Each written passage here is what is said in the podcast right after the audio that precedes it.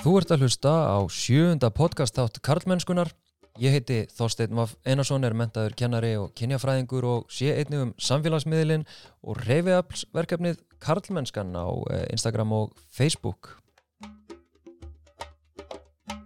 Umfjöllunar efni þáttarins er aktivismi, nánar tiltekið feminískur aktivismi og því lábeinast við að spjalla við holdgerfing feminismans á Íslandi allavega fyrir sumarkynnslóðir Sóleiu Tómasdóttur, fyrfirandi forsetta borgarstjórnar í Reykjavík og eina af þeim feminísku konum sem hafa svo sannarlega haft áhrif á Íslenskt eh, samfélag.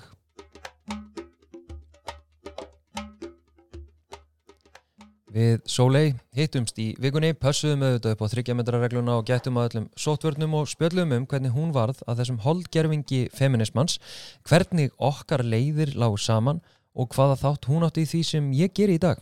Fórum aðeins inn í brott hvarf hennar úr pólitík, hvernig það tengist feminismannum og hennar sín á feminískan aktivisma. En ég byrjaði á að spyrja hana hvað hún hefði verið að fást við áður en að hún fór út í pólitíkina. Sko, vinnufyrill minn er eiginlega svona, ég hérna var í háskólanum í uppeldisfræði og fór það að hann fannst alltaf skemmtilegast í aðferðafræði það er svona smá eitthvað OCD stemning í mér.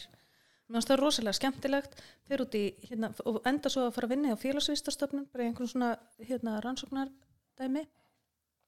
Þegar ég var búin að vinna þar í ár og var að vinna þar við að hérna, rannsaka námsárangur 75 árgangsins, var mjög skemmtilegt fyrir Jón Torfa, að hérna þá sá ég auglist eftir mannesku til þess að sjá markasrannsóknir fyrir kvítahúsið sem auglisingastofu og mér bauðst þar starf við nákvæmlega sömu vinnuna nema í staðin fyrir að ég vera að rannsaka eitthvað sem að skipti samfélagið mjög miklu máli svona á, á samfélagslegum nótum að þá var ég að spá í hversu margir borðuðu kókopöfs eða seriós eða eitthvað þess að þar og ég fekk svo miklu miklu betur borgað þarna og þetta var svona öðruvísi bransi og svolítið spennandi einhvern veginn að prófa eitthvað nýtt þannig ég fór þangað. Var í því nokkur ár uh, bæði á kvítahúsinu og svo svona einhverju rannsóknar vinnu fyrir kvítahús og íslensku auðlýsingastofuna saman og svo fór ég að vinna fyrir pínleitlega auðlýsingastofu sem heit auðlýsingastofa skaparans og það kom sem sagt að þeim tímapunkt ég var búin að finna að þetta ætti ekki við mig þetta var búin að vera að vaksa inn í mér að ég væri bara rángri hillu í lífinu mm. opbúslega margt erfitt og ég var í svolítið miklum átökum eða átökum og átökum, þú veist, ég var, ég var hann rosa oft, þú veist, það var bara svolítið hvað segja feministar um þetta og svolítið hvað finnst konum um þetta og svolítið er þetta í lægi og, og ef ég kom með óumböðin aðtóðsenda þá lendi ég alltaf í vandræðum sko. Uh, en það var sem sagt þegar ég átti að fara að gera auglýsingu fyrir maurunardöft sem að ég ákvað að þetta veri komið gott. Mm. og þá sagði ég upp og vissi ekkert hvað ég ætlaði að gera í lífin, lífinu. Ok, hvernig var það? Það hefur verið einhvern tíman 2000 og 2-3 eitthvað svona. Mm. um, þrjú, já. Og þá hérna fór ég að sótt ég um hjá ITR og fór að vinna þar. Mm.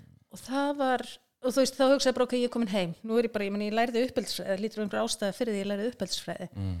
uh, og það var náttúrulega ógæðslega skemmtilegt og þú þekkir náttúrulega hvernig það er að vinna fyrir ITR uh, og þar, það var svo mikil breyting að koma úr auglýsingabransunum sem að var svona í haldu mér sleftu mér gagvart feminismannum mínum að þú veist þau, þau vissu að það skipti máli að ég hafði þessar hugssjónir að ég hef alltaf haft þær sko mm. og aldrei verið feimin við að tjá þær mm.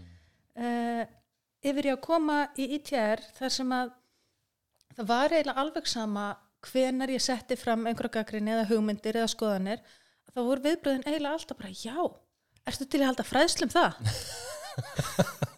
Já, eins og ITR er Já og bara hei, það, er frábært að fá manneski þetta með öðru sér skoðanir, við viljum fá þær. Mm -hmm.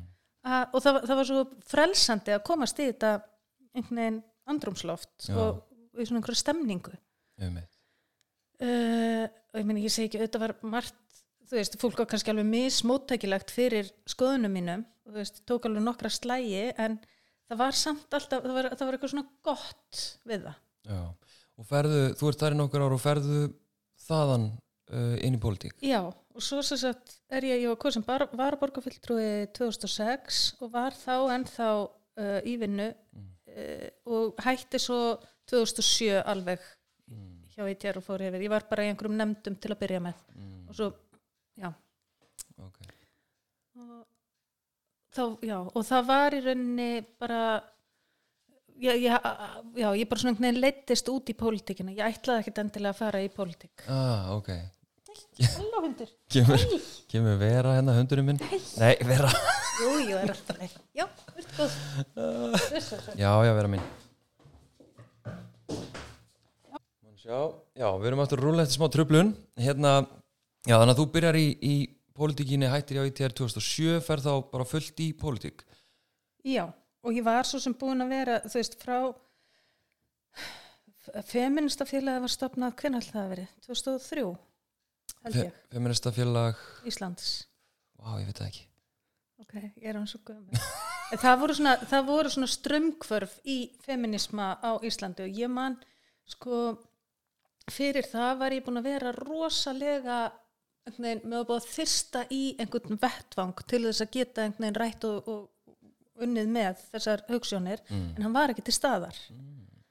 Uh, þannig að það var, sko, þegar að einhverjar konur tóku sér saman, ég manna að það voru Þorgerður og Gíða Margrét og einhverjar fleiri, sem að tóku sér saman og bóðuðu til fundar um stopnun mögulegs feministafélags mm. bara á mándaskvöldi, ég held að það verið 2003 eða eitthvað, að þá hérna mættu bara hundruðir kvenna.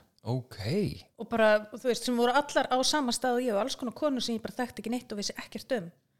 Og þá varð til bara allt í hennu plattform fyrir uh, konur sem mig og feministafélagi var rosalega upplugt og hafði rosalega mikil áhrif í upphafi en var líka rosalega hérna, umdeilt. Og bara það að þetta héti feministafélag þótti svakalegt og þú veist bara svona hlutir sem í dag þykja tiltölulega eðlilegir. Já, en hérna já, og á þeim tíma fór ég svona að þú veist, taka meiri þátt í samfélagsumræðinni fór að blogga á mokkablogginu og svona.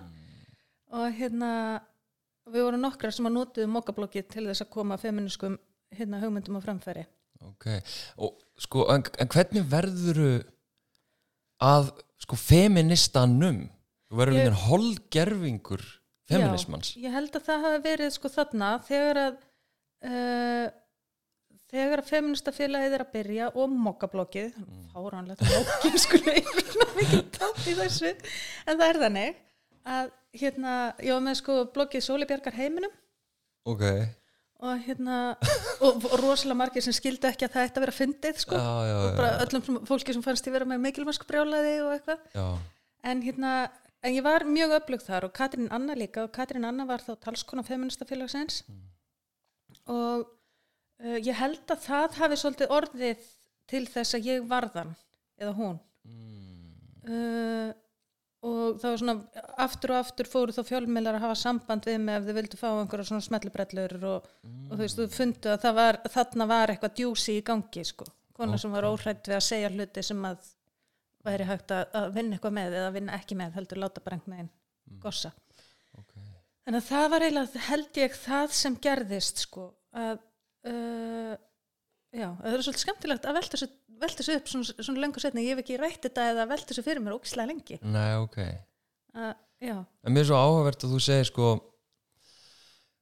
sem að ég er svo sem meður um þó að ég sé nú bara búin að vera mjög stutt í hérna, í rauninni í svona jafnbryttis umræðinni og feminískri baróttu bara mjög stutt uh, vandræðilega stutt og ég heyri þetta um þetta að feminismin hafi verið mjög mikið svona tabú einhvern veginn hann upp úr aldamótunum. Þórður talar um þetta, ég var að tala um þetta en þú lýsir þessu núna sko. En, en mín upplifun er að þegar ég segist þér á feministi og svona það er ekkit eitthvað brjálaðislega svona heillandi þrátt fyrir að fullta fólki skilgreini sig bara ég er feministi, auðvitað er ég feministi en það er samt alveg ennþá pínu svona ah, er það? Já, það er samt ekki næstuð eins og það var. Ok, Það er kannski erfitt að útskýra það, en ég get útskýrt það með því að, að því nú býð ég í Hollandi uh, og mér líður mjög oft í Hollandi eins og mér leið árið 2000 eða 90 og eitthvað á Íslandi. ok, hvernig þá? Sko, ég lærði mjög fljótt í Hollandi, ég meni ég byrjaði fyrir að, fyrir að læra hann að kynja og fjölbreytileika fræði og kemst inn í svona kreðsur með alls konar kvenna sem eru bara ógæslega klárar og deila algjörlega með mér hugmyndafræði. Ok, en ég- ef ég kynnti mig sem róttakan ak- aktivista frá Íslandi eða róttakan feminista eða bara feminista að þá kváðu þær svolítið sko stelpurnar sem voru bara þú veist, eins og þú myndir kvá við það að ég segði þér að ég veri feministi Það? því að það er bara ekki það, ég gæti alveg eða næstu sagst þeirra bara nasisti sko eða, Út í Hollandi? já Byrju, það er einhver svona, ég veit ekki, einhver hindrun að, og já, hann ætla bara, hollenskt samfélag er mjög skrítið, ég er ennþá að reyna að greina það. En, og það verður alveg efni í sko annan podcast. Ok. en, en þessi tilfinning er tilfinningin sem að var þá að, og það sem að var að, eða það sem ástæðan fyrir því að okkur leið ekki vel sem vorum feministar fyrir stofnun feministafélagsins er svo að við höfðum ekki neina samstöðu, við höfðum engan vettvang. Og kvennabaróta eða feminismi þrifst ekki nema í hérna dýnaming Mhm. að þú veist, ég menn allt sem að hefur gerst allar framfærir sem að hafa átt sér staði þá og kvenna hafa átt sér stað vegna þess að konur tóku sér saman. Og á setni árum, bara undanförnum árum nokkri kallar líka. En, en hérna en þarna vantaði bara eftir að, eftir að kvennalistin í rauninni leiðandi lók sem að hefur verið kannski 90 og eitthvað 90 is að þá kom bara svona eyða þar sem við höfðum ekkert. Og það voru stofnaðar hann að bríetarnar. Ég reyndi að búa til eitthvað þegar ég var í háskólanum að gekk ekki neitt. Uh, en þú veist þannig að það vantaði þennan vettvang til þess að við gætum deilt hugmyndum okkar unni með þær og krafist einhverja breytinga. Ok, sko að þegar við hérna, við erum að tala saman hérna og við skiljum svona uh, já, hugssjónina og feminisman og baróttun og allt þetta en ef þú bara spóla tilbaka og lýsir fyrir mér hverjar eru hugssjónir þínar. Vá. Um, bara þær að við að við að við náðum að uppræta þetta kerfi þetta, þetta valda kerfi sem að er einhvern veginn samofið í bara heimsbygginguna uppbyggingu heimsins og já, þar sem að við erum alltaf með norm og frávik og það er einhvern veginn allt sem að breytist, allt sem að gerist það gerist meir og minna í þáu normsins nema að tilkomi andof eða andstaða eða aðgerðir frá hennum jáðarsettari uh, og það er einhvern veginn alveg sama hvað er, ég meina núna erum við með COVID hvort sem það er kreppa eða góðæri að þá einhvern veginn spilast hlutirnir í þáu valdsins. Og þetta er bara eitthvað sem ég get ekki sætt mig við. Uh, og ég held að ástæðan fyrir því að ég sé svo sem ég er og, og hafi gert það sem ég hef gert sé svo að ég hef einhverju svona ég fekk of stóran skamt af réttlætiskend ég, ég bara ræði ekki við hana. Þegar ég sé einhver staðar mismunum eða sé eitthvað sem ég finnst vera að þá finnst mér að vera að skilda mér eða ekki einu sinni já, ég, ég skrifaði einu sinni rítgerð nú fer ég í belg og byrja sko, nú þarf að fara að stjórna mér. Eða reyna það. Já, ég reyna það Ég skrifaði rítgerð í háskólanum núna þegar ég var úti í mestaranáminu í kursi sem að fjallaði um ástina. Og við máttum skrifa um ást okkar á hverju sem var. Og ég skrifaði um ást mína á feminisma og þar, að því að þar náði ég að útskýra það sem að heimsbyggingar hafa og ég man ekkert hvað heimsbyggingarnir hétu ég reyna að leggja ekki, ekki nöfn kalla á minnið mm. en hérna það var einhverjum einhver heimsbyggingar sem voru að tala um þessi intrinsic þörf sem þú hefur þegar barnið þetta vaknar grátandi á nóttunni.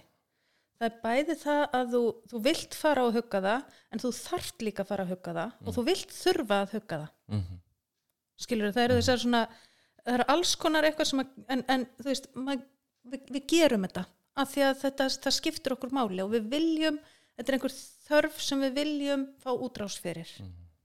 Og það er nákvæmlega það sama sem að gerist varðandi óréttlæti hjá mér að ég mig bæði langar og ég finn fyrir þörf og skildu til þess að bregðast við og langa oftast gerist þetta algjörlega automatist sko Já, já, já bara eins og þegar barnið, vaknar á nóttunni við erum ekki að velta því fyrir okkur hvort við þurfum að gera eitthvað Nei. við gerum það bara Einmitt. Einmitt. Að þú segir sko um, ég reyna að leggja ekki nöfn kalla á minnið og ég, ég skil alveg þetta að segja og, og hæðnina hann á bakvið veist, þetta er svona einmitt, gaggrina á kerfið og, og feðraveldið og, og, karla yfirbyrð og allt þetta en þá kemur svo oft af hverju hatar þú kalla? Eh, ég hatt ekki kalla Af hverju kemur þetta, heldur þú? að því að, ég meina þetta er náttúrulega og þetta er mjög skiljanlegt að fólk haldi að ég hati kalla en hluti ástæðan fyrir því að ég í alvörunni reyni að leggja ekki hérna nöfn kalla á menni eða allavega ég reyni að, nefna ekki eða hampa ekki köllum uh, mjög mikið er svo að þeim er hampað af öðrum. Já, já, já. ég þarf ekkert að gera það. Það er rosalega margir aðrir í því. Mitt hlutverk er að reyna að hampa konum og búa til einhvers konar mótvægi. Uh, og það er ekki að því ég hati kallana heldur að því að við erum í kerfi sem að ég er að reyna að breyta. Og það er það sem ég vil hérna reyna að gera Og þú hefur, þú veist, ég hef séð skrifa um það og, og tala um það að þú hefur náttúrulega mætt gigantískri andspyrnu í, í gegnum þinn feril sem feminískur aktivisti. Getur þú aðeins svona rakið, ég var að segja, hvaða andspyrna hefur svona eh, slegiði mest einhvern veginn, hitti vest fyrir? Hvers konar andspyrna? það er, það, það þetta er allt saman svo ólíkt sko.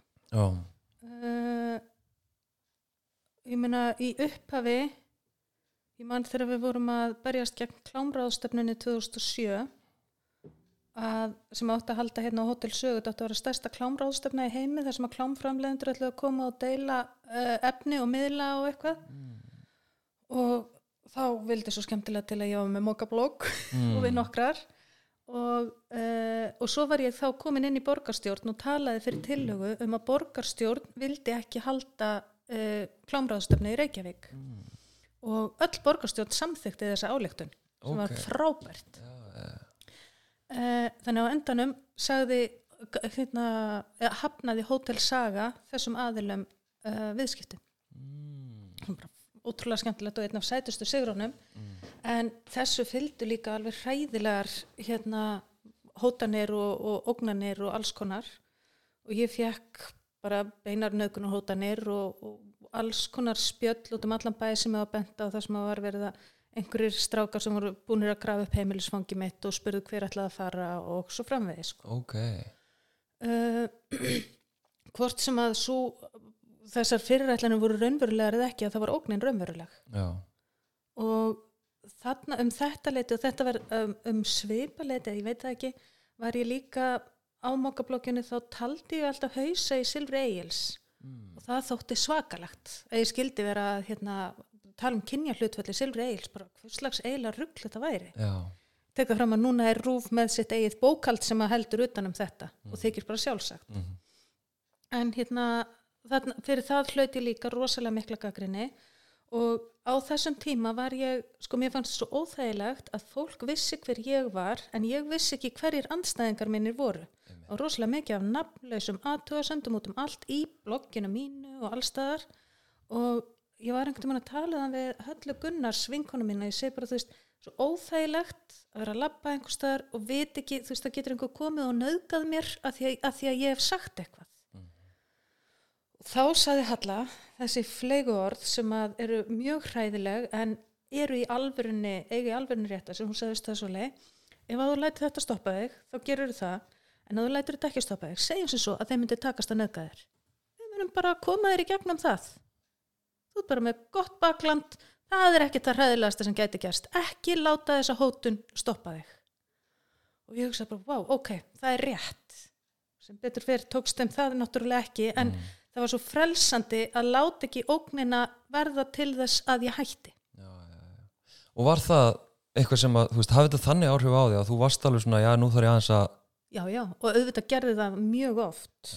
Að, og mjög oft, og ég meina allan minn feril hef ég verið í því að, að passa mig hvert einasta skipti sem ég skrifa eitthvað niður þá er ég að velta fyrir mér hvort ég geng of langt hvort, ég segi, hvort ég segja hlutina svona eða hins einn, að því mjög oft fær maður náttúrulega gaggrinina sko, það er ekki hvað þú segir, heldur hvernig þú segir það. Og þú veist það er að það, er farið alveg rosalega miklar krókaleiðir til þess að láta mig vita að ég sé að gera ranga hluti. Já, og þannig að það að passa sig er eitthvað sem er bara samofið feminískum aktivisma við þurfum alltaf að vera að passa okkur. Hvernig við segjum hlutina, slá varnagla útskýra við höfum samt ekki kalla útskýra, að, veist, við séum samt alveg bara góð og ég elski són minn og skiljiði að hérna, en, en þetta er bara hluti af því að, að vera feministi af því að andstæðan er svo sterk og það er svo auðvelt að koma að höggja okkur að, vegna þess að höggið kemur frá valdinu, frá valdakerfinu. Og ég get líka ímynda mér að sko að því að það er ekki bara kallremburnar sem að hafa verið að gaggrina til með stig og, og svona holdgera feminisman í þér og, og hildi og fleirum. Það eru líka konur sem að maður myndi ætla að einhvern veginn sæju ávinningin af því að breyta þessu valdakerfi. Mm. veist, hvernig er að fá svona í rauninni gaggrina einhver leiti innanfrá Já, sko, svo breytist þetta nefnilega að því að í upphafi var ég bara einhvern svona aktivisti út á jæðrinum mm -hmm. en verð svo að stjórnmálakonu og fer inn í Vafgi að því að var, ég var beðin um að koma inn í Vafgi það var einhver sem að, þú veist, þau náttúrulega sá að það var kona sem að, hérna, var með skoðanir sem að væri gott að fá inn mm. uh, og ég geri það en þar var ég alltaf á jæðrinum og ég myndi segja að það hefði kannski verið svona minn flóknasti aktivismi. Inn í pólitík? Að, að fara inn í pólitíkina okay. og að fara inn í flokk sem að segist vera feminískur uh, vill hafa mig að því að ég er, ég er málsvari uh, þessara hugssjóna þessara skoðana en er ekki til að bakka mig upp að því að þá slettist. Gott við Það er bara það sem að gerist að, að hérna ég uppliði átti mitt krát í kringum mig en innan Vafgi var ég, það var, það var mikið svona ástarhattur samband við mig innan Vafgi. Ég fekk aldrei, ég var aldrei kjörin í neitt ennbætti öðruvísin að fá mótframbóð.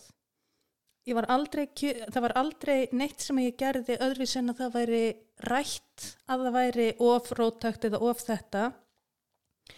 Ég var kvött til þess að sækjast ekki eftir fyrsta sætinu af alls konar fólki innan hreyfingarinnar, það væri gott að hafa mjög öðru sæti, það væri betra að hafa einhvern sem hefði kannski breyðari til skýrskotun í fyrsta sæti. Uh, ég var já, þannig að þú veist, það var enda laust reynd að hafa mig ekki í þessu aðal dæmi, af því að það var bara var, og sko tilmæli um að breyka mig um að tala ekki bara um feminisma um að tala ekki bara, vera ekki alltaf bara þarna, það væri nú fleira sem skipti máli og ég erði nú að skilja sko ég, þetta var bara allan tíman á meðan ég var í pólitík áttu, þessi, átt, átti þetta sér stað. Þannig ég var í stöðugri svona já, hvað ég segja? Stöð, það, það voru alltaf svona einhver undirleikjandi átök innan hreifingarinnar Ok, þannig að þú upplýðir að þú neytir kannski ekki já, fylgis innan eins eins floks Nei, eiginlega aldrei En þú varst þarna samt í hvað, tíu ára eða eitthvað? Já, ég var reytari flokksins í, nei, já, já, ég var þarna lengur sko, ég var reytari flokksins held í átt ár mm. ég var oddviti í tvö kjörtumabill og þú veist, ég, ég hlaut kostningu að því að ég vann hart og ég fekk konurnar í kringum og feminísku hreyfingarnar, hvernarhreyfingarnar með mér mm. en uh, mainstreamið var alltaf skeftist á mig hvernig kemur það við svona, já bara geðhilsum hans? Já, það fór ekki droslega vel með hann, ekki tsektir Og hvernig þrýfstu? hvernig nærur þið, hvernig, hvernig hlúur að þér í, í svona umhverfi uh, með vinkonum mm. bara með reyðkonufélaginu sem við kallum hvaða félag er það? það eru bara uh, mínar uh, já, svona opbóðslega nánar vinkonur, feminískar vinkonur sem að halda opbóðslega þétt hópin og styðja hverja aðra í öllu því sem við erum að fást við, af því við vitum allar að við þurfum allar á því að halda og svo eru þetta náttúrulega bara ógæslega klárar, ógæslega skemmtilegar og frábærar. Mm. uh, þannig að það er það sem að kemur og það, það er í rauninni alltaf svarið við því hvernig lifir af, alveg sama hvort úr aktivist á jæðrinum eða uh, stjórnmálakona fórseti borgarstjórnar, skilur það, þú, þú lifir ekki af nema með rosalega stert vinkonu bakland. Mm það er bara, það er það, er það eina sem að hjælt mér á floti. Og það náttúrulega hjælt mér ekkert eins og á floti vegna þess að ég hætti. Ég gati ekki meir, það var bara þannig. Og uh, tók mig svona tvö ár og ég er ennþá að vinna úr því. Hvað, þú veist, hvernig, hvað, hvað áhrif þetta hafði á mig og hvernig ég ætla einhvern veginn að vinna með það. Um, var bara, ég fattaði ekki fyrir en ég var hætt að ég var náttúrulega lengu útbrönnin og bara búin með alla orku bæði andlega og líkamlega okay. og e, þannig að þú reykur semst, ástæðan fyrir því og hættir er, já hver? hún bara uppsöfnuð þreita af þessum endalösu átökum að hérna og ég meni ég held að þetta hefði ekki þurft að fara svona, ég hefði ekki þurft að vera svona mikið í átökum, ég hefði ekki þurft að hafa það svona, ef, já uh, ég hefði vel getað haldið áfram lengur í pólitík en ég gat það ekki við þessar aðstæður. Mm, þetta er ekkit einstæmi sko, ég meina við sjáum það að konur fara síður í pólitík vegna þess að sjá hvernig aðrar konur hafa það í pólitík og konur endast stittra í pólitík út af nákvæmlega þessum aðstæðum, ég meina það þarf ekki endilega að vera út af feminisma en sjónarmið kvenna mæta meiri andstöðu heldur en sjónarmið kalla konur sem eru komnar með formlegt vald þykja meira ógnvekjandi heldur en kallar sem eru komnar með formlegt vald. Þannig að það er einhvers, einhvers konar þörf fyrir að sko mæta þeim með sterkari andstöðu heldur en köllunum og það er ekkert af þessu sem er skipulagt eða gert af ílsku eða einhvern veginn að því að einhver vilji ekki feminisma þetta er bara, þetta eru mjög flóknar og djúbstæðar ástæður fyrir þessu og í mörgum tilfellum er þetta örgla alls ekki einu sinni meðvitað Nei. Það er með, með stæðleikur svo áhugavert. Af hverju heldur að það séu svona ég, ég vil segja margir karlar og strákar sem að eiga erfitt með að samsama sig sko feminískri hugmyndafræði.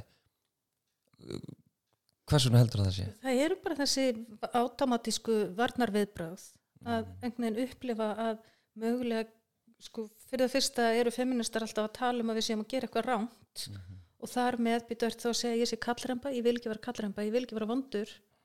En við erum öll kallrembur og það að einhvern veginn yfirstíga þessi varnarviðbröð er rosalega erfitt og rosalega sérstaklega erfitt fyrir fólk sem að hefur aldrei spáði í þetta. Þegar það er bara sagt, heyrðu, þú ert ekki að segja svona bara, þú veist, það er umulegt að heyra þig tala svona. Og þá auðvitað finnst manni vond að heyra þetta. Ég skil það rosa vel. Og sérstaklega þú veist ekki af hverju einhverjum finnst umulegt að þú segja svona og þú skilur ekki hvaða áhrif það hefur á einhverja aðra að þá er það alveg skiljanlegt.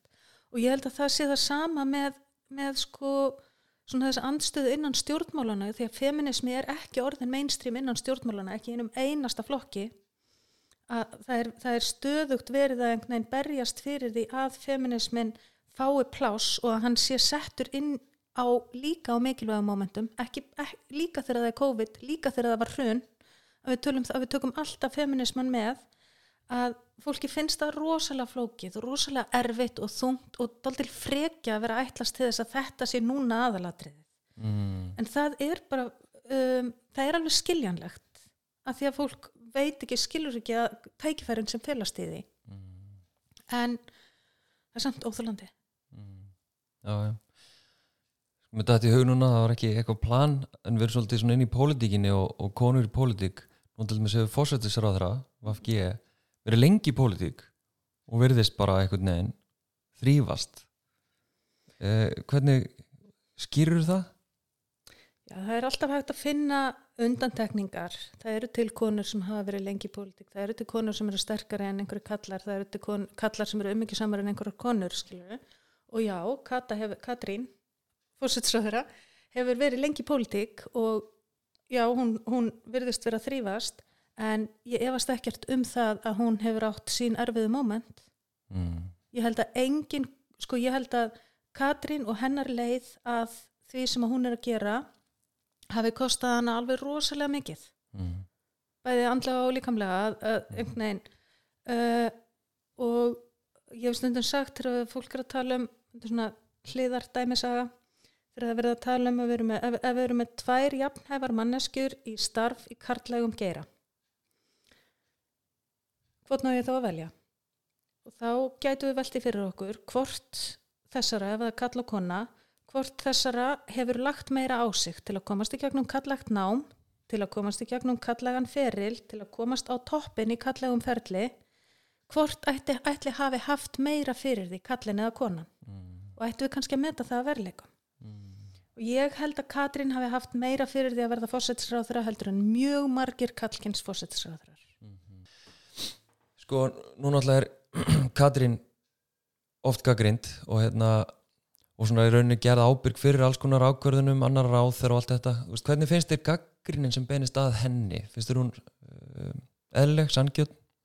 nei og það myndi enginn kall fá sambarilega gaggrinni og hún og það er náttúrulega það sem gerist að, að konur fyrir utan þessi innanhús átök sem að ég var að tala um við áðan að þá er það þannig að konur í stjórnmálum eða konur sem að brjóta glerþög eins og við sjáum með Kamila Harris núna að konur sem brjóta glerþög þær eru að trafka á glerbrotum alveg lengi lengi og eftir.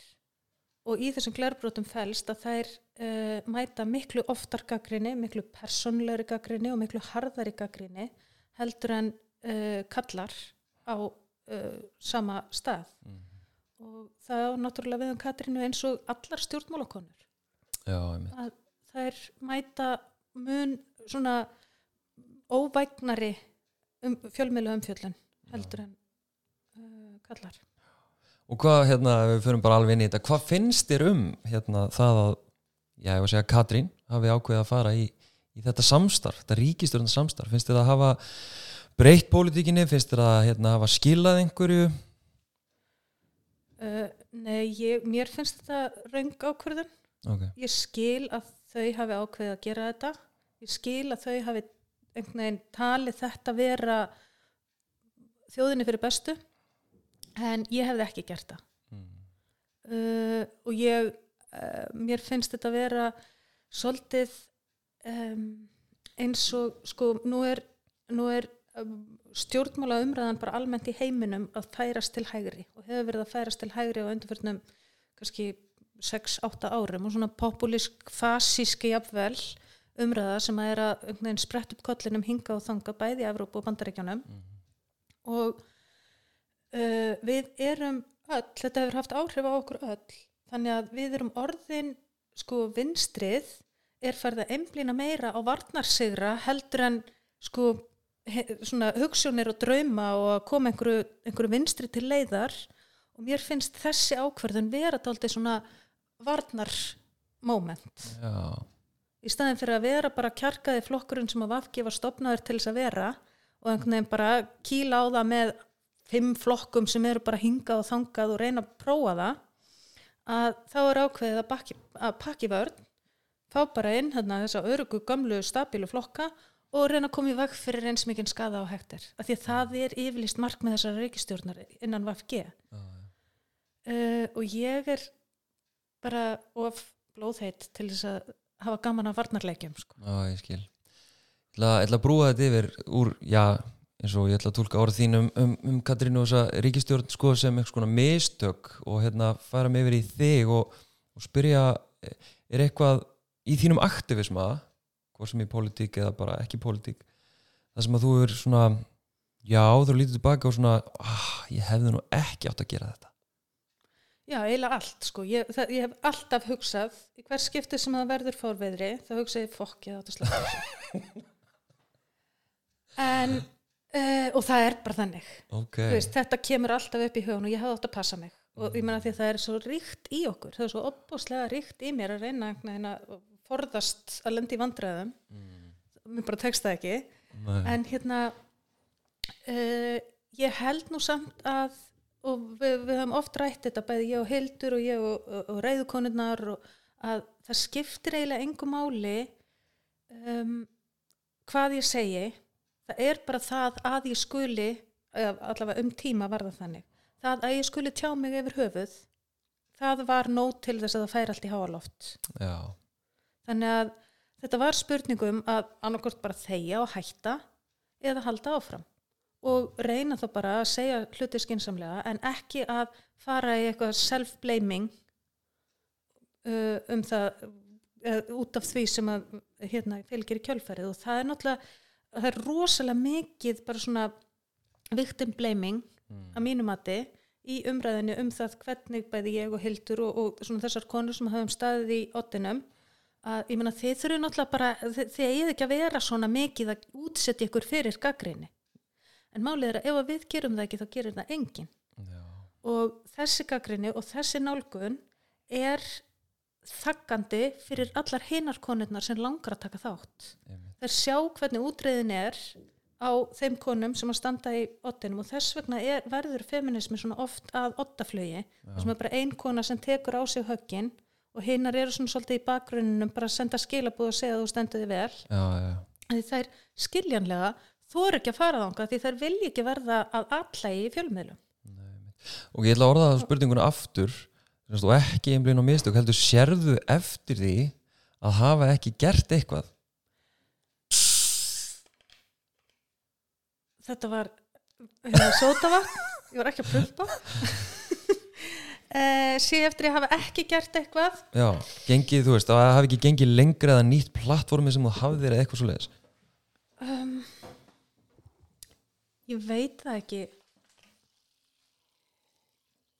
Já ég meina það eru alls konar hlutir sem að ég hefði örglega betur geta gert öðruvísi en ég held að það snúist ekki endilega um feministka aktivisman ég held ég hafi gert eins mikið og ég mögulega gat sko. Já, og það er líka hlutur sem ég hef verið að læra á síðustu árum að uh, það, það, við þurfum við, það er óslega ríkt í feminískum aktivismum að- það er óslega ríkt í feminískum aktivistum að finnast við aldrei gera nóg. Og þú veist, ég hefði átt að taka þennan slá og ég hefði átt að gera þetta og ég hefði átt að gera hitt. Við getum ekki gert allt og við þurfum að vera svolítið meira um, fyrirgefandi gagvart sjálfum okkur með það. Já, Að ég hef uh, verið svolítið að æfa mig í því já, að sætta mig við að ég bjargaði ekki heiminum já, á meðan ég var í stjórnmálum. Og ég mun aldrei bjarga heiminum einn en ég, ég nýtti þetta eins og ég gat. Stundum var ég bara ógæslega þreytt og ákvaði ég gæti ekki meir já, og gaf eftir slægi en það var þá bara til þess að geta tekið slægi setna sko. já, einmitt. Einmitt, kemur upp í hausnum með núna að því mér finnst svo áhverð sko já, kannski að það tak- komi fram sko að í rauninni það sem ég er að gera í dag er í rauninni bara bein sko ég tala um að það að við séum að tala um kallmennsku bara svona í, í samfélaginu okkar sko sé afleiðing af hvernréttinda baróttu og feminískri baróttu við komumst á þennan stað að fara að velta því fyrir okkur hvað að vera kallmaður út af því og svona horfa inn á viðgagrinið og svona alltaf það sem ég gerir beint bara eh, kallmennskan kemur upp úr hashtag kallmennskan sem er þín hugmynd sem er sagt, eh, ég fekk skilabú frá þér 2018 það sem að þú segir hei, ég er með hugmynd. Og svo kemur hugmyndin og ég bara já, geðveikt. Og hérna, emitt, og svo gerist eitthvað alls konar. En hérna, ég stundu veldi fyrir mér hvers vegna sendur mér skilabúð við vorum ekkert eitthvað beint í einhverjum samskiptum eða, og ég var ekki eins og með eitthvað plattform eða neitt. Hvað varst að hugsa? hmm. þetta er mjög góð spurning. Og ég hefði ekki getað svarað þér þessu þá en ég lærði í náminu mínu að um, þá lærði ég um hugtak sem að kallast tempered radicals. Okay. sem að uh, ég las eina grein, þetta var í einhverjum kynjafræði kursi þar sem ég var að lesa fullt af greinum. Ég las þessa grein, ég laði frá mig bækurnar og ég gerði ekki meira þann daginn því þannig var ég búin að lesa grein um sjálfa mig. Ok, og þetta er sem sagt tempered radicals er fólk sem að er inn í kerfi vinnur kannski á einhverju vinnustaf þar sem, að, sem þið þykir væntum og er tilbúið til þess að leggja sig allt fram við að koma þeirri vinnu á framfæri sem að þarf en það vil líka breyta Mm. og þannig að það býr við svona tvíbendan veruleika og það hafa verið gerðar heilmikla rannsóknir á þessu fólki og sko tempert, þetta er svo fallegt orð tempert radicals að því tempert vísar bæði í skaphitan tempert eða temperament líka um tempert sem er svona það er búið að tempra viðkomandi. Og svo er þriðja tilvísunin í eðlisfræði þar sem er talað um að uh, efni sem að hefur verið tempert við er, er sterkara heldur en hérna annað efni. Þannig að þegar búið er að hita og kæla efni þá verður það sterkara. Ok. Þannig að þetta er svona stert uh, skapheitt en samt pínu svona mildað ok, fólk. wow uh, og svo er bara ógeðslega mikla rannsóknir á þessu fólki. Ok, og alls konar hérna, og kona sem heitir Debra Meyerson sem er höfundur allra uh, þessa hugtaks. Og eftir því sem ég les meira um þetta þá eh, svona fatta ég fleiri hliðar á aktivismannum mínum og okkar allra. Og þetta sko ofsalega flott og, og hérna vel skrifað og vel greint. Eitt af því sem Tempered Radicals hafa er einhvers konar radar á aðra uh, potensial aktivista. Og uh, það er eitthvað sem að er ekki það, og, og eftir að ég las þetta að þá er ég búin að vera að fatta þú veist ég spotta út frá einhverjum setningum sem einhver segir út frá einhverjum, einhverju sem einhver gerir einhverjum og hugsa bara já þessi, þá er gaman að vinna með henni að einhverju. Og og ég hugsa að það hafi verið það sem gerðist ég var náttúrulega búin að fylgjast með þér þú varst búin að vera aðeins að hérna, taka þátt í feminísku umræðu. Og uh, varst svona aðeins að byrja en það var eitthvað einhver einlegni, einhver hitið þarna sem að ég vissi að eða fann eða hjælt eitthvað, ég veit það ekki. Uh, en það er sko ég held ég að við sagt er það má ég segja frá því þegar ég hitti þig fyrst þegar þú manst, ég held þú munur ekki eftir því. Já, endilega, ég klippi það bara út. Það var náttúrulega mjög fyndið því þá var ég, á, þá var ég í stjórnmálum og, en ég var alltaf sérstaklega áhuga sem um ITR af því ég var að vinna hjá ITR áður. Og ég kemur okkur svona fræðslukvöld hjá ITR og þar er þú með fyrirlestur um naglalagseventýri í Já. gráfavæðinu Ok, og þú kemur upp í pontu og ég vissi ekkert hver þú varst. Þú veist, ég hefði séð þig en ekkert bara, uh, og þú kemur upp í pontu og fyrir að segja frá þessu og hvað það hefur komið þér á óvart og þetta er alveg í upphafi sko. já, þetta er bara 2014 bara, já, ég vissi ekkert hvað það var. Já.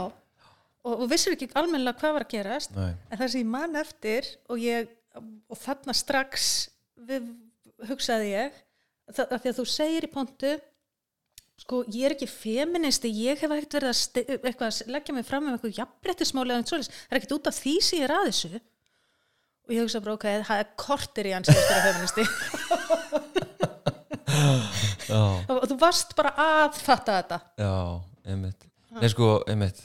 Þetta var svo sem ekki að snúst um mig en, en bara þessi saga, veist, þetta er nefnilega svo áhugavert að Já, en, en síðan þá hef ég sem sagt, þú veist, alltaf vitað hver þú ert, hvað þú ert að gera. Já, já, já, og já, við höfum nú verið í einhverjum samskiptum, sko. Já, já.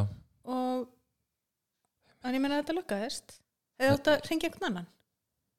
Já, ég er alveg gladur sko með þetta, ég meina og við náttúrulega skrifum um það síðan sem er líka svona ángi af þessu að hérna þegar ég fæ síðan styrk fyrir því sem ég er að gera í dag úr jafnbritsjóði á þessu ári þá hérna verður náttúrulega mikið kurr innan feminismans á Íslandi. Og þessi áþreifanlegu forréttindi sem að karlar njóta og, og ég nýt. Og við svona skrifum um þetta og, og ég hef heyrt það bara víða að fólki fannst þessi grein afskaplega góð og svona skýrandi og lýsandi.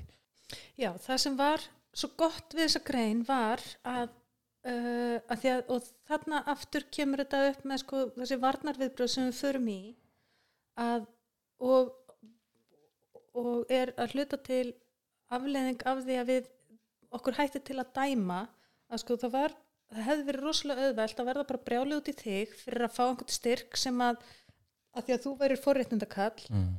en greina það ekki neitt og velta ekkert fyrir okkur af hverju í hverju þessi forréttindi felast þessi forréttindi felast ekkert í því að einhver ákveði í einhverjum sjóði að veita þér styrk heldur felastu í því að þú, það er búið að félagsmóta þig í gegnum tíðina í það að finnast það eðlilegt og, að, og það er búið að félagsmóta fólkið í sjóðnum í, veist, að, í það að finnast allt bara frábært sem að þú gerir en, uh, og það er líka allt frábært sem þú gerir.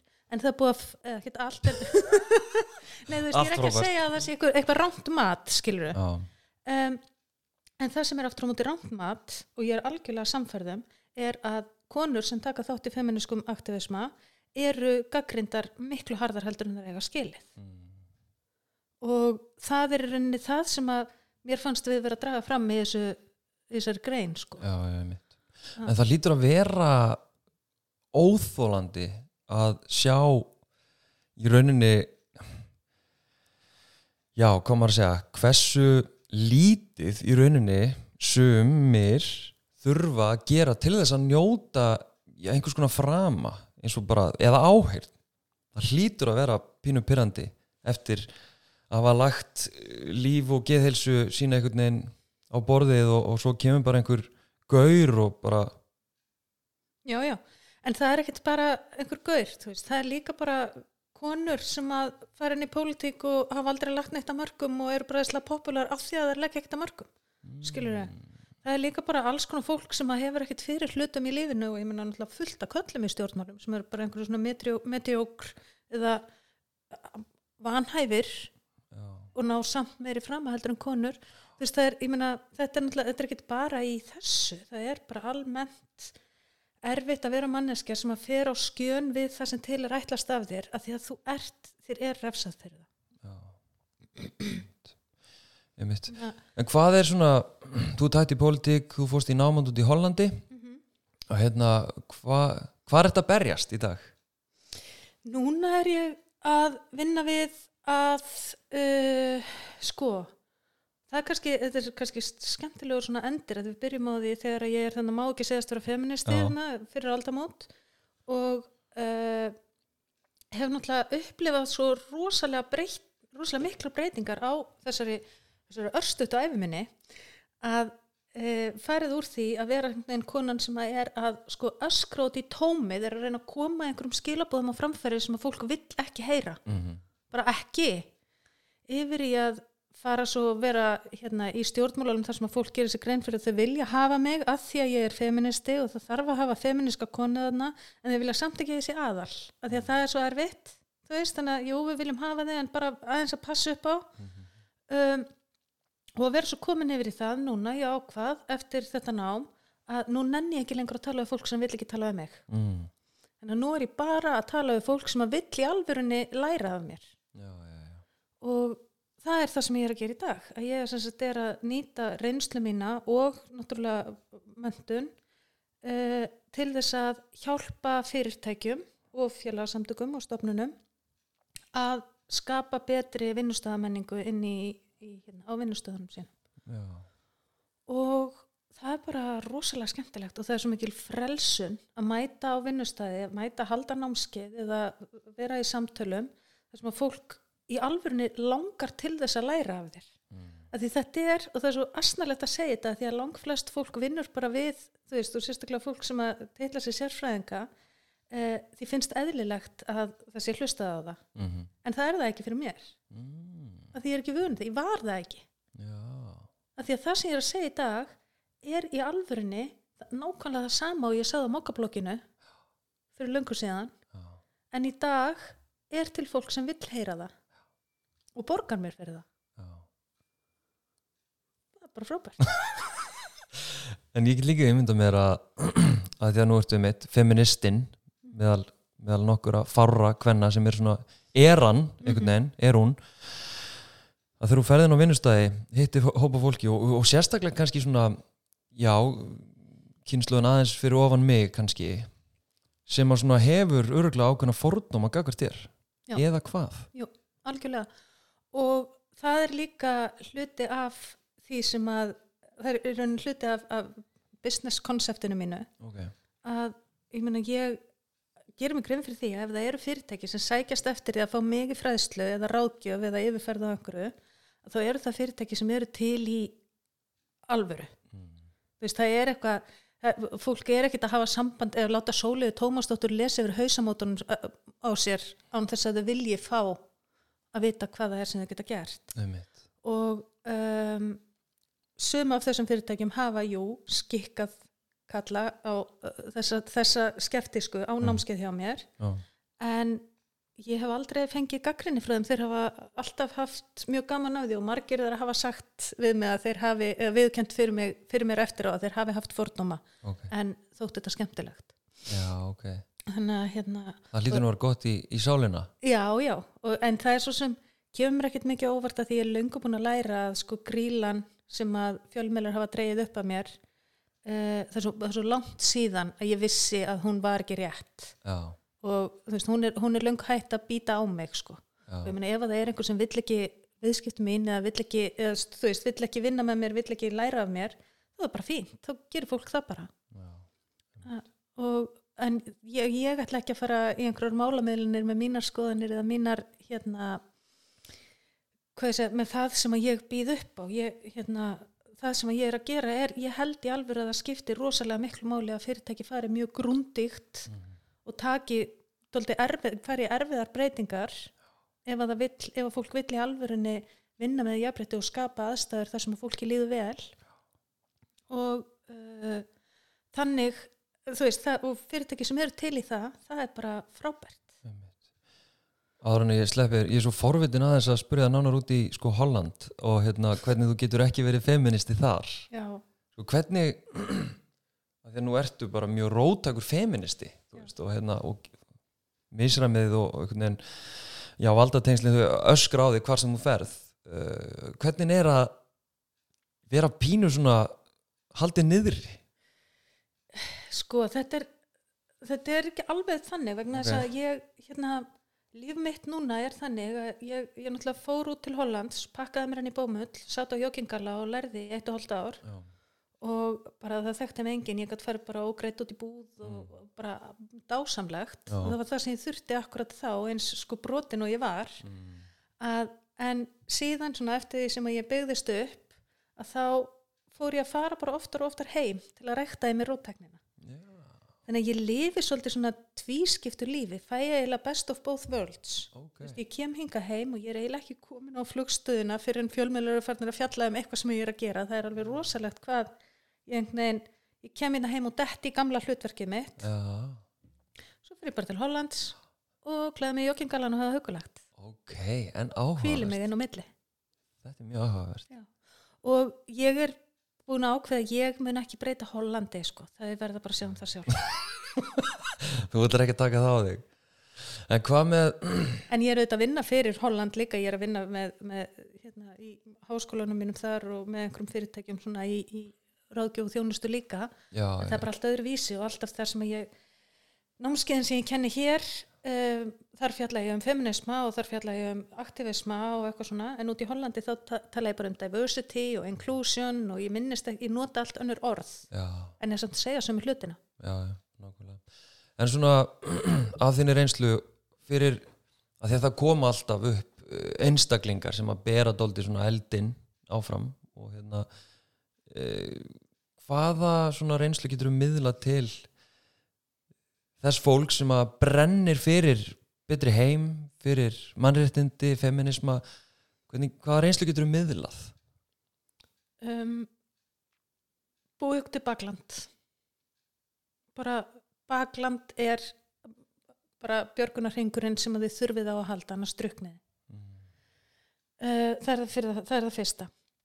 Svo er hitt að þetta er ekki eins hræðilegt og þetta lítur út fyrir. Mm. ekki láta reynsluna og allar þessar hryllingssögur sem ég og Hildur erum að segja endalaust og kannski ég hef oft velti fyrir mig hvort þú ættum ekki bara ekki að segja frá þessu og bara segja þetta hafi ekki áhrif, þetta sé bara alltaf lægi en þetta hefur ekkert svo stórkostlega áhrif og það er vel þess virði að gangi gegnum þetta. Af því að sko ef að við látum reynslu okkar og það sem við höfum gengið gegnum stoppa aðrar konur eða aðra aktivista í því sem að, sem að þeir eru að gera þá hefur þetta náð markmiði sínu og það viljum við ekki við verðum að fara fleiri inn.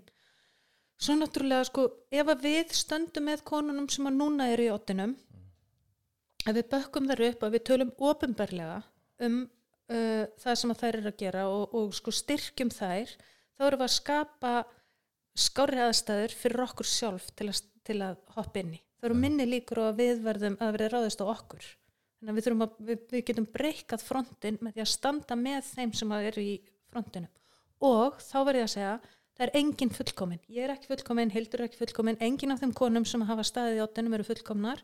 Eru ekki, við erum ekki alltaf sammála öllum en við getum samt stutt. Ef við myndum bara styðja fullkomnar konur þá myndum við aldrei styðja konur. Að við þurfum að bakka upp þær konur sem að þóra að standa í frontinum líka þegar þær gera mistök. Eitthvað á lokum sem að, sem að við höfum ekki farið inn í sem að þú væri til í að fara inn í eða ræða Ég get náttúrulega að tala endalaust. Nei, nei, ég held að við séum bara, ég, mér finnst það bara ferlega skemmtilegt.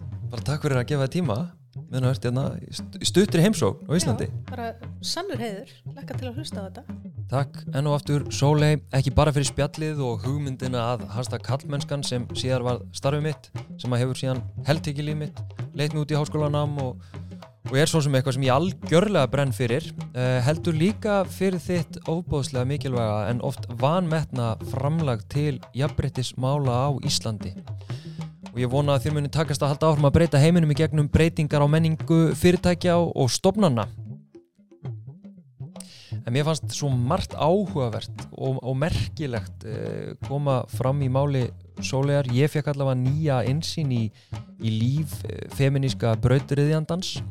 Að þrátt fyrir til dæmis að hún reyni að passa sig og vanda framsetning á öllu sem hún segir og gerir, að þá er því yðurlega tekið á einhvern afbakaðan hátt sem að hefur síðan búið til, eins og hún orðaði sjálf, karlhatandi grílu sem er ekki sönn og þetta sko með holdgerfingu feminismans eh, er náttúrulega sumuleiti satt en, en auðvitað líka ákveðin hæðni eh, sko að ansbyrnu gegn feminískum mannréttita baráttum eins og Sóli kom að sjálf þá virðist að vera trendið að ákveðnar konur eða einstaklingar þurfi að taka ottaflugið, taka á sig skítin svo að aðrar eða, eða önnur geti komið í kjölfarið. Kanski er það nöðsynlegt og við sjáum að það hefur verið nöðsynlegt að einhver fari fremst og taki á sig skítin og glerbrotin svo önnur geti komið á eftir en það að einstaka manneskjur þurfi að taka þetta á sig er að mín, mínum að þið merki um hversu sterk og djúb og mikil ansbyrna er við breytingar. Fólk á bara mjög erfitt með að horfast í augu við það